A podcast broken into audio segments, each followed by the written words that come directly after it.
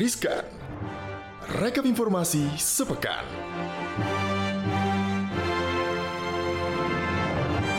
Hai Sobat Cuan. Hai, hai. Hai, jumpa lagi. Jumpa kita di sini. Kacau nih pas ini. Senang sekali deh kita bisa kembali menyapa Sobat Cuan dalam Riskan. Rekap informasi sepekan. Setelah kita lama nih Banyak nggak menyapa waktu, sobat cuan. Iya, banyak waktu yang kita mungkin skip ya. Banyak hal-hal yang kita nggak update nih ke Sobat Cuan. Makanya Maria Katarina dan Angel, Angel Valentina, Valentina. balik lagi nih buat nemenin Sobat Betul. Cuan. Membantu merekap apa-apa saja yang terjadi selama sepekan ini ya. Ada apa aja yang menarik Angel hari ini? Yang pertama ini kita punya update dari Yes. kasus Crazy Crazy Rich palsu. yang KW ya. akhirnya KWK ternyata Uh-uh. udah ditetapkan sebagai tersangka. Nah, nggak cuma mereka berdua nih, ada Ika dan eh, DS ya. Tapi ada juga influencer lain nih yang bakal dipanggil sama SWI. Jadi, Satgas Waspada Investasi Otoritas Jasa Keuangan memastikan akan memanggil para afiliator atau influencer yang mempromosikan investasi melalui skema binary option dan broker ilegal secara bertahap. Ya, kepastian ini disampaikan oleh Ketua SWI Tongam Lumban Tobing. Dia nih ngomong gitu ya bahwa pemanggilan akan dilakukan sekaligus melakukan edukasi kepada para influencer terkait ya. Tongam juga menegaskan bahwa tidak seluruh influencer ini jadi afiliator. Ada yang hanya endorser aja memasarkan produk eh, dari broker-broker ilegal namun tidak melakukan perekrutan. Nah, Satgas Waspada Investasi akan melakukan pemanggilan juga terhadap afiliator, influencer, endorser yang telah mempromosikan binary options dan broker ilegal ini secara bertahap. Jadi siap-siap mungkin yang udah pernah uh, cuap-cuap di medsosnya Mm-mm. ya dan sudah mendapatkan uh, pundi-pundi. Siap-siap diperiksa. Iya, jadi kan eh, pada 10 dan 14 Februari lalu ini kan SWI sudah manggil lima nama influencer gitu ya dan afiliator yang memfasilitasi produk binary option juga broker ilegal. Saat ini ada dua dari lima nama tersebut sudah menjadi tersangka kasus dugaan investasi bodong, yaitu Indra Kents dan juga Doni Salmanan. Nah, Ya. selain mereka ini ada siapa lagi sih? Ya selain ya itu ya Indra Kents dan Doni Salmanan ini ada Vincent Raditya, Erwin Laisuman, Kenneth William. Mereka ini sudah diduga juga memfasilitasi produk binary option dan broker ilegal yang tidak terdaftar di Bapepti seperti Binomo, kemudian Olim Trade dan juga Quotex. Ada Hmm. beberapa nama-nama lain lagi sih. Iya. Kemarin sempat dengar juga eh, Reza Arab juga katanya mau diperiksa. itu karena dia menerima uang dari Doni Salmanan ya kalau nggak salah ya. Gitu. Pokoknya sobat cuan kalau misalnya mau investasi atau apa pun gitu ya, Mm-mm. harus berhati-hati seperti yang udah kita bahas kemarin ya kak Ya, jadi jadi koneksi Bener, yang belum dengerin koneksi kita afiliator bukan mentor mungkin bisa langsung di scroll di Spotify-nya ya langsung Bener. klik dengerin karena banyak banget informasi-informasi yang berharga dan pesen juga nih Jel buat Mm-mm. sobat cuan kalau emang misalnya mau pilih-pilih investasi tuh cek dulu nih ya Yes. keabsahannya Il- terdaftar atau enggak legalitasnya ya. Nah, kalau misalnya masih pusing juga mau nentuin investasi yang mana, mending jalan-jalan dulu karena kalau naik pesawat dan kereta nggak usah lagi ngeluarin duit buat. PCR. Ini penting, penting banget nih penting banget. tapi hati-hati tetap Benar. meskipun naik pesawat dan kereta udah nggak lagi harus PCR Mm-mm. tapi tetap harus waspadai sebuah resiko Apa ada tuh? resikonya pasti ya. Jadi pemerintah itu baru-baru ini kan mulai menerapkan kebijakan transisi kan dari pandemi menjadi endemi dengan tidak lagi mewajibkan rapid test antigen maupun PCR bagi pelaku perjalanan dalam negeri. Kebijakan ini berlaku bagi masyarakat yang sudah menjalani vaksin COVID-19 sampai dosis kedua maupun booster. Nah, jadi kalau yang baru vaksin pertama ini tetap wajib melakukan PCR ataupun antigen dalam melakukan Oh, perjalanan dalam oke. negeri gitu. Nah, meski banyak masyarakat yang menyambut gembira kabar tersebut, ternyata masih ada resiko ya untuk penurunan COVID yang harus diwaspadai karena sejumlah pakar berpendapat bahwa ancaman COVID-19 di dalam negeri ini sebenarnya masih tinggi Hmm. meski pemerintah mengklaim jumlah kasusnya sudah perlahan-lahan melandai atau bahkan turun Ninja. Betul. Nih ya, menurut pakar epidemiologi dari Fakultas Kesehatan Masyarakat Universitas Indonesia, Tri Yunis Miko Wahyono menegaskan, yang paling penting itu karena bukan jumlah kasusnya, melainkan positivity rate-nya, yaitu perbandingan jumlah kasus positif dengan jumlah tes yang dilakukan. Mm-mm. Nah, Pak Tri Yunis, ini khawatir angka kasus baru yang diklaim turun dari hari ke hari tersebut Sebenarnya itu disebabkan rendahnya kontak tracing. Iya, karena yang periksa, diperiksa makin dikit ya. makin dikit jadi oh kasusnya sedikit. Iya iya Yang karena diperiksa yang periksa dikit dikit. gitu.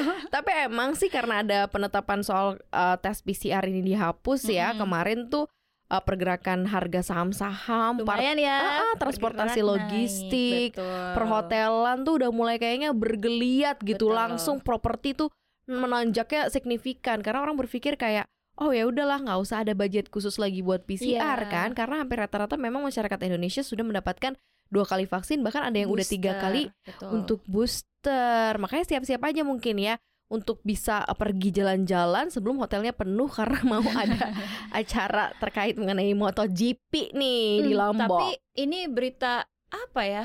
Burukkah? Karena Mm, mm, apakah cukup gitu? Karena krisis kamar hotel jelang MotoGP ini makin parah Iya, di iya, iya, Lombok iya, iya, gitu. Jadi hotel-hotel yang ada di kawasan Lombok, Nusa Tenggara Barat ini tuh laku keras kan pada Mm-mm. tanggal 18 sampai 20 Maret mendatang. Ya karena itu ada penyelenggaraan MotoGP di Mandalika. Persoalan seriusnya adalah saat tiket MotoGP yang mencapai 60 ribu lebih ini disebar gitu ya, Mm-mm. apakah hotel-hotel Lombok bisa menampung tamu sebanyak itu? Uh, karena ini disampaikan nih sama Ketua Perhimpunan Hotel dan Restoran Indonesia PHRI Nusa Tenggara Barat ya nih Ketut Wolini yang mengatakan bahwa udah cukup sulit nih katanya untuk cari kamar hotel yang berada di kawasan Lombok bagian barat seperti daerah Mandalika, Mataram dan juga Senggigi. Apalagi nih ya untuk tamu-tamu yang berencana mau bawa rombongan ya kan nggak Mm-mm. mungkin juga nonton MotoGP sendirian ya pasti Betul. bawa komunitas Nggak dong. seru ya kan, apalagi Mm-mm. banyak eh, atlet-atlet dunianya gitu kan di situ. Dari catatan PHR ini Jel ya, jumlah kamar hotel di NTB kan mencapai kurang lebih 21 ribu ya, terdiri dari 18.600-an ditambah homestay nih ya, yang Mm-mm, kecil-kecil mungkin usaha rakyat ya Iya. sekitar 2.800 kamar dan kamar tersebut berada di hotel dari berbagai kelas ya, mulai dari yang kelas melati sampai berbintang nih Jel. Iya kak betul. Jadi ada Hmm. 1970 hotel dengan 146 hotel bintang, sedangkan 1208 itu hotel Mhm. melati. Mhm. Dan saat ini hotel-hotel tersebut udah ludes dipesan penonton MotoGP atau wisatawan lainnya. Ada cuan tapi ada yang masih harus ngantri Itu gitu dia, ya. 60 ribu tiket yang disebar, tapi kamarnya cuma ada cuma berapa tadi? 21 ribu. Coba, iya mungkin Eh satu bisa orang, eh satu kamar bertiga kayaknya. satu kasur bertiga gitu. ya kalau 60 ribu kan cuma 21 ribu tuh kan kurang. Bener, tujuannya sih baik ya, mau Heeh. uh, menjadikan Mandalika ini sebagai salah satu tujuan wisata lain juga memperkenalkan Mandalika juga ke Mm-mm. dunia internasional, tapi sebaiknya difikirkan juga gitu ya, Ya, ya, bagaimana ya, ya. sarana infrastruktur dan lain sebagainya gitu. Jangan Masih ada waktu gini. mungkin sekarang? Ada waktu Ah, mohon maaf, eh, 15 Maret Aduh. tinggal lima hari. eh, udah tinggal berapa hari lagi sih? Empat ya. Iya empat hari lagi ya ampun udah ya kalau gitu ya eh, sharing aja sharing ya atau nginep di rumah warga jadi live in ya Atau yang paling tepat adalah nonton di rumah masing-masing. Oh Hey. jangan jangan jangan nanti pas Sandi marah saya bikin ini supaya berarti Mas Andi sudah bisa hitung cuan karena ini udah melampaui atau over subscribe ya Betul. orang yang mau pada datang ya. Oke, itu tuh beberapa eh, data informasi yang ada di dalam negeri. Kita jangan lupain yang satu ini nih ya terkait mengenai eh, tetangga kita nggak tetangga sih negara di luar sana yang sedang konflik, ada Betul. tension, ada eh, eskalasi perang ya Rusia dan juga Perang kemanusiaan gak sih ini? Iya Kayak- Rusia dan juga Ukraina nih Tapi katanya bukan Rusia katanya China salahkan NATO Biang kerok di Ukraina Kenapa katanya gitu demikian? Karena pemerintah China ini melalui juru bicara Kementerian Luar Negeri China Chao Lian Ini memperkirakan atau memberikan pernyataan terbaru terkait serangan Rusia ke Ukraina Dikutip dari Reuters bahwa China menunjuk NATO ini sebagai biang keladi Kenapa Hmm, coba? jadi Apa karena Ukraina mau ke NATO ya? Iya, Hmm. Beijing ini menyalahkan aliansi Pakta Pertahanan Pimpinan Amerika Serikat tersebut atas tensi yang dinilai terus memuncak karena eh, NATO ini dinilai oleh China memanas-manasi konflik antar kedua negara yang udah emang berlangsung dari lama ya Udah dari tahun lama, 2014 gitu. NATO ini disebut awalnya kayak menyiram bensin ke api Oh. gitu dalam konflik kedua negara ini dengan memberikan kesempatan Ukraina untuk gabung bersama mereka. Akibatnya nih, menurut China, Rusia merasa terprovokasi sehingga melancarkan agresi ke Ukraina. Di kesempatan yang sama, China juga mendesak Amerika Serikat untuk menanggapi kekhawatiran pemerintah Xi Jinping tersebut. Dia ini minta ke Amerika Serikat untuk tidak mengganggu hak dan kepentingan China dalam menangani masalah di Ukraina dan hubungannya dengan Rusia. Sementara itu, Palang Merah China akan menyediakan bantuan kemanusiaan senilai 5 juta yuan untuk Ukraina yang terdiri dari barang-barang keperluan mereka sehari-hari gitu. Hmm. Apa ya kalau ngelihat ini tuh kayak sebaiknya mereka tuh berdiskusi gitu kan ya. Karena nggak cuma satu dua korban jiwa ini tuh udah banyak banget korban jiwa. Jadi ayolah pemerintah-pemerintahnya berdiskusi cari win-win solution akan seperti apa. Apakah kalau emang nggak harus gabung ke NATO ya udahlah ya gitu ya. Yang penting tidak ada rakyat yang eh, menjadi korban gitu kan. Sekarang paling korbannya ya mereka harus meninggalkan tempat tinggalnya gitu kan. Dan dia kadang-kadang harus terpisah-pisah sama keluarganya. Walaupun memang eh, dilihat dari kerugian eh, fisiknya cukup parah, tapi memang sebisa mungkin Rusia menyerang tuh nggak ada nggak ada penduduk sebenarnya. Jadi kayak apa ya? tapi kayak dia mau kasih peringatan gitu Iya, loh ke Tapi Ukrainanya. aku baca di web CNBC Indonesia gitu ya kak, kayak ada yang diserang adalah rumah sakit bersalin dan rumah sakit anak. terus ada kayak Hmm. Kena luka tembak atau luka apa gitu, Aduh. jadi kayak harus digotong gitu-gitu deh luka parah. Ya, soalnya gitu. namanya serangan ya, jadi nggak tahu iya, ya. Karena kan mereka ngeliatnya juga dari citra satelit gitu kan. Iya, karena saking canggihnya gitu ya. Tapi kita berharap sih ini segera mereda Amin, karena side amin, effect amin. dampaknya juga eh, pastinya akan ke mana-mana termasuk ke Betul. Indonesia ya di harga-harga komoditasnya. Nah ngomongin harga komoditas Ai. yang untung-untung kayaknya ada yang lebih untung nih ya.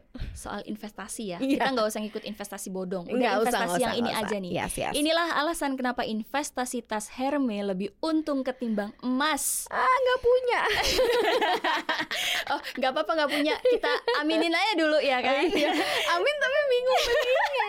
Jadi yang kita tahu nih kak, emas itu kan sejak ratusan tahun lalu ini kan udah digunakan sebagai instrumen investasi betul. Namun tas Hermes seri Birkin, Birkin, ini Birkin. ternyata lebih menguntungkan untuk dijadikan investasi dibanding emas. Kenapa gitu? Ya, jadi sebuah studi yang dilakukan oleh Beck Hunter, ini yang dikutip oleh Time.com, membandingkan bahwa peluang investasi emas dengan tas Hermes ini eh, yang serinya Birkin ini Mm-mm. selama 35 tahun. Jadi mereka menemukan fakta bahwa rata-rata orang akan mendapatkan imbal hasil yang lebih baik dengan berinvestasi tas Hermes Birkin ini dibandingkan saham atau emas. Selain itu, risiko investasi tas eh, mewah ini itu jauh lebih rendah dibandingkan saham dan juga emas. gitu. artis-artis Indonesia sih rata-rata pakai semua sih Birkin tapi ini ya. Oh iya ya, soalnya ini Mm-mm. Sri Lanka deh setahu aku. Iya, kayak Maya Estianti itu Oh. pakai Syahrini juga punya doi ya kan. Baik, baik. Mungkin hanya eh, punya berapa produksi gitu ya Mm-mm. Dan sebagian besar kayaknya artis Indonesia punya. Cucok deh ya. Karena kalau kita bicara returns ya, investasi ini harus ada returnsnya. Untuk tas Birkin ini 14,2 persen dong, jauh di atas rata-rata return tahunan nilai saham 500 perusahaan terkemuka di bursa saham Amerika Serikat yang rata-ratanya hanya 8,7 persen aja per tahun. Jauh ya bedanya. Emas malah cuma 1,5 persen aja per tahun. 13 coba. persen bedanya, Uh, saudara-saudara. jauh. Ini terjadi karena harga emas memang terus berfluktuasi selama bertahun-tahun dan hampir tidak pernah konsisten. Tapi hal itu eh, tidak terjadi juga untuk tas Birkin karena tas mewah ini telah mengalami beberapa kali fluktuasi nilainya ya bagus-bagus aja tetap positif. Artinya nggak pernah ada yang rugi ketika menjual kembali tas Birkin. Karena itu ya Iya, kelangkaan kan kalau misalnya ada produk atau barang langka pasti Limited edition, betul. betul. Nah, benar, tas Birkin sendiri ini terkenal karena harganya yang sangat mahal, yakni bisa mencapai miliaran rupiah untuk seri yang langka. Untuk menjaga eksklusivitasnya nih, Hermes memproduksi Birkin dalam jumlah terbatas. Mereka Hmm. juga nggak pernah mengiklankan tas super mewah ini. Jadi konsumen ini perlu menunggu hingga enam tahun hanya untuk Elah. mendapatkan satu tas ini. Udah tasnya kecil. Kecil, gimana? Harganya miliaran. Mendingan rumah apa tas? Aduh, mendingan rumah terus punya cash yang banyak. Jadi nggak tahu ya, itulah ya mungkin karena orang-orang yang punya tuh pasti orang-orang yang udah selesai sama hidup hariannya Betul, ya. yang udah nggak mikirin lagi yang lain-lain ya. Uh-uh, Ini adalah uang lebihnya mereka yang mereka pun bingung mau bener. diapain. Ya itu makanya investasinya para crazy crazy rich juga Iya, ke situ ya. yang palsu ya. Ya. ya kita doain aja semoga sobat cuan ini bisa juga nabung ya, terus Iya. kebeli sesuai dengan kebayang kan berapa lama nabung ya. Jangan aja di afiliator aja ya. jangan jangan itu Sama hati-hati ya kalau misalnya eh, punya pacar kaya raya tuh mungkin harus eh, cek double check kayaknya. Oh, ini ngomongin itu ya. Oh banyak nggak soalnya Oh, gitu. sekarang tuh banyak gel. Jadi memang eh, hal yang tercermin di media sosial itu kan akan jadi apa ya patokan kan Iya, untuk padahal itu tipu-tipu dunia maya. Heeh, ya Kenapa kan? orang banyak pengen jadi youtuber? Karena orang berpikir jadi youtuber duitnya banyak. Mm-mm. Kenapa orang kepengen buru pengen jadi artis TikTok atau jadi influencer karena ngerasa duitnya banyak. Itu kan yang ditawarkan oleh di media Yes. gitu. Jadi orang banyak mau ke sana tapi lupa gitu. Mm. bahwa Ke sana tuh ya harus melalui proses. Kalau yang instan-instan kayak gini kan coba. dropnya juga instan, Ah, Kak, ya iya. kan? Udah yang paling enak cuma mie instan aja lah di dunia ini. Au. Yang jelas sobat cuan ya happy-happy aja. Yang buat kalian bahagia lakukan biar umurnya panjang. Setuju. pastinya Yang penting ya. adalah happy ya Betul. kan. Thank you banget udah dengerin Riskan hari ini. Terima kasih. Terima kasih. Jangan lupa dengerin kita di mana aja, Jill. Dengerin kita terus eh, ada konten-konten menarik lainnya dong ya pasti yang kita upload setiap harinya hanya di Cuap Cuap Cuan. Iya, ada di podcastnya di Spotify, Apple Podcast, Google Podcast dan juga Anchor. Kemudian Di Instagram kita juga ada konten-konten menarik edukasi ya. Jadi kalau pengen cari tahu di situ ada di @cuap underscore cuan dan bisa nonton langsung denger kita juga, langsung subscribe juga di eh, YouTube channel kita di cuap cuap cuan. Dan satu lagi yang menarik nih ya cuap cuap cuan juga hadir loh di CNBC Indonesia TV. Yes, kalau mau lihat gimana keseruan, Mm-mm. kerempongan, keriuhan gitu ya di balik kita tapping ini seperti apa, ya bisa langsung. saksikan langsung aja gitu ya. Support kita terus ya Sobat Cuan ya Banyak tinggalin komen kasih kita semangat Thank you banget Maria Terima pamit kasih, Angel pamit. Sampai jumpa minggu depan. Happy Bye, Sobat weekend. Cuan. Bye bye